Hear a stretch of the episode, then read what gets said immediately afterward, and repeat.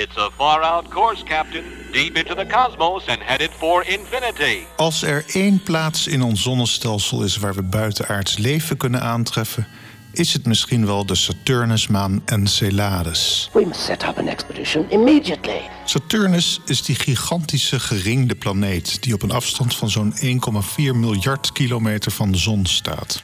De planeet Saturnus zelf bestaat uit gas en is wat dat betreft een minder voor de hand liggende kandidaat om naar leven te zoeken. Maar om Saturnus heen draaien enkele manen en naar eentje daarvan, Enceladus, gaan we vandaag specifiek kijken. Deze maan werd in 1789 ontdekt door William Herschel. Enceladus is veel kleiner dan de aarde, veel kleiner dan onze maan zelfs. Enceladus heeft een diameter van slechts 500 kilometer. De valversnelling op aarde is 9,8 meter per seconde kwadraat. Maar op Enceladus is de valversnelling maar 0,113 meter per seconde kwadraat. Mochten we ons ooit vestigen op deze Saturnusmaan, dan zou u zonder concreet risico van het dak van uw woning kunnen springen en naar beneden dwarrelen. Maar doe wel een winterjas aan, want op het oppervlak van Enceladus is het bar koud. Tussen de min 240 en min 128 graden Celsius. Het bevroren oppervlak van deze maan reflecteert het invallend licht uitstekend, wat de maan nog kouder maakt dan eentje die het licht beter zou absorberen. Toch is Enceladus een maan waar veel wetenschappers graag meer onderzoek aan zouden doen. Do you realize what this means for science and mankind? Van deze koude maan heeft een wateroceaan onder een dikke laag ijs. En dik, dat betekent tussen de 2 en de 5 kilometer ijs. Er zijn kraters, vlaktes, gijzers en er is geologische activiteit. De getijdenwerkingen van de planeet Saturnus en nog een maan Dione zorgen samen voor een zekere energietoevoer, waardoor het dus mogelijk is dat er vloeibaar water op Enceladus voorkomt. Begin jaren 80 vlogen de Voyager ruimteschepen langs Enceladus en leerden we dat deze maan interessante oppervlaktestructuren laat zien. Maar de meest opwindende details kwamen beschikbaar toen het Cassini-ruimteschip in 2005 begon met het laag overvliegen over Enceladus. Meer dan 100 actieve gijzers werden waargenomen en nog interessanter, wat Enceladus de ruimte inslingert. De gijzers spuiten materiaal de ruimte in. Een deel hiervan valt terug op het oppervlak. En een deel zorgt ervoor dat Saturnus een ringenstelsel heeft. Specifiek de E-ring van Saturnus wordt continu aangevuld door Enceladus. In 2018 werd bekend dat er organische moleculen voorkomen in de pluimen die Enceladus middels gijzers de ruimte instuwt. Wetenschappers troffen er benzeen, water, stikstof, waterstof, methaan, propaan, acetyleen, formaldehyde, silica en koolstofdioxide in aan. Dat is nog geen smoking gun voor de aanwezigheid van microbiologisch leven, maar strekt wel tot de verbeelding. Want sinds enige tijd weten we dat er op aarde, diep in de oceanen, op de meest vreselijke warme en koude plaatsen toch gewoon leven voorkomt. Extremofielen noemen we dit soort bacteriën en micro-organismen. En wat in die gijzers van Enceladus wordt aangetroffen, sluit helemaal niet uit dat dat van leven afkomstig is. Uiteraard zijn er allerlei plannen gesmeed om verder onderzoek te doen, bijvoorbeeld door te landen op Enceladus en een gat in het ijs te boren. Maar we zien helaas de laatste jaren wat terughoudendheid bij de budgetten die beschikbaar gesteld worden aan ruimtevaartorganisaties.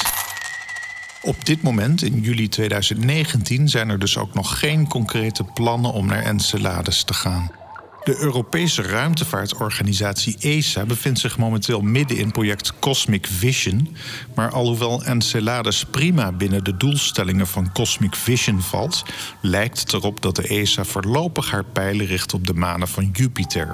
Maar dat is een onderwerp voor een toekomstige column of podcast. Ook de ELSA-missie die NASA heeft voorgesteld is voorlopig uitgesteld. Maar als overheidsgesubsidieerde organisaties niet actief op zoek gaan naar buitenaards leven, dan doen de non-profit privéorganisaties dat wel. Breakthrough Initiatives is een wetenschappelijk initiatief opgezet door miljardairs Julia en Yuri Milner. Dit zijn Israëlisch-Russische ondernemers en wetenschappers die een deel van hun vermogen inzetten voor onderzoek naar buitenaards leven. Het Breakthrough Initiatives-programma bestaat uit verschillende onderdelen. Zo is er Breakthrough Listen, waarbij gezocht wordt naar radiosignalen van intelligente beschavingen. En Breakthrough Message, waarbij een boodschap van de mensheid het heelal in wordt gezonden. Technologisch uiterst uitdagend is Breakthrough Starshot, waarbij een zwerm van onbemande ruimteschepen naar Alpha Centauri wordt gestuurd. Dit laatste onderdeel wordt mede gefinancierd door Facebook-baas Mark Zuckerberg.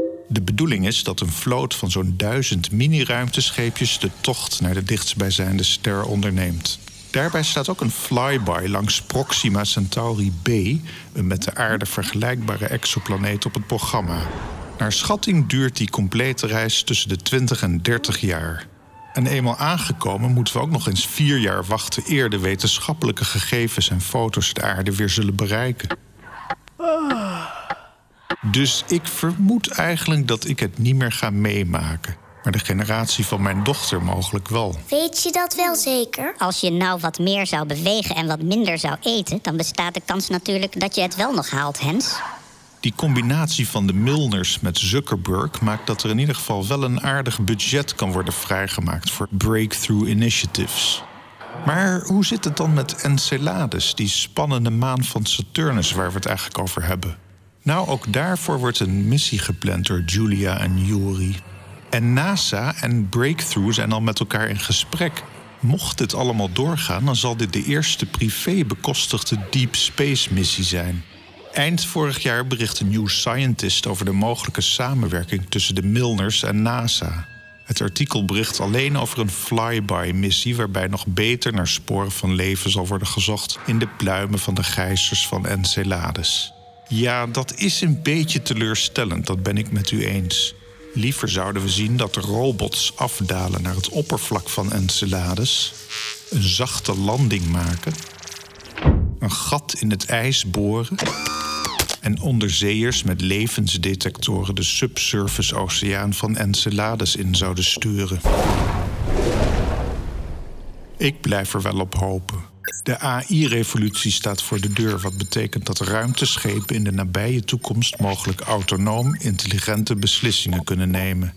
Tot die tijd kunt u de foto's bewonderen via de websites van NASA en ESA, die met name door de Cassini-ruimtemissie zijn gemaakt van ijswereld Enceladus. En uh, Volgende week weer verder. Ja. tot volgende week.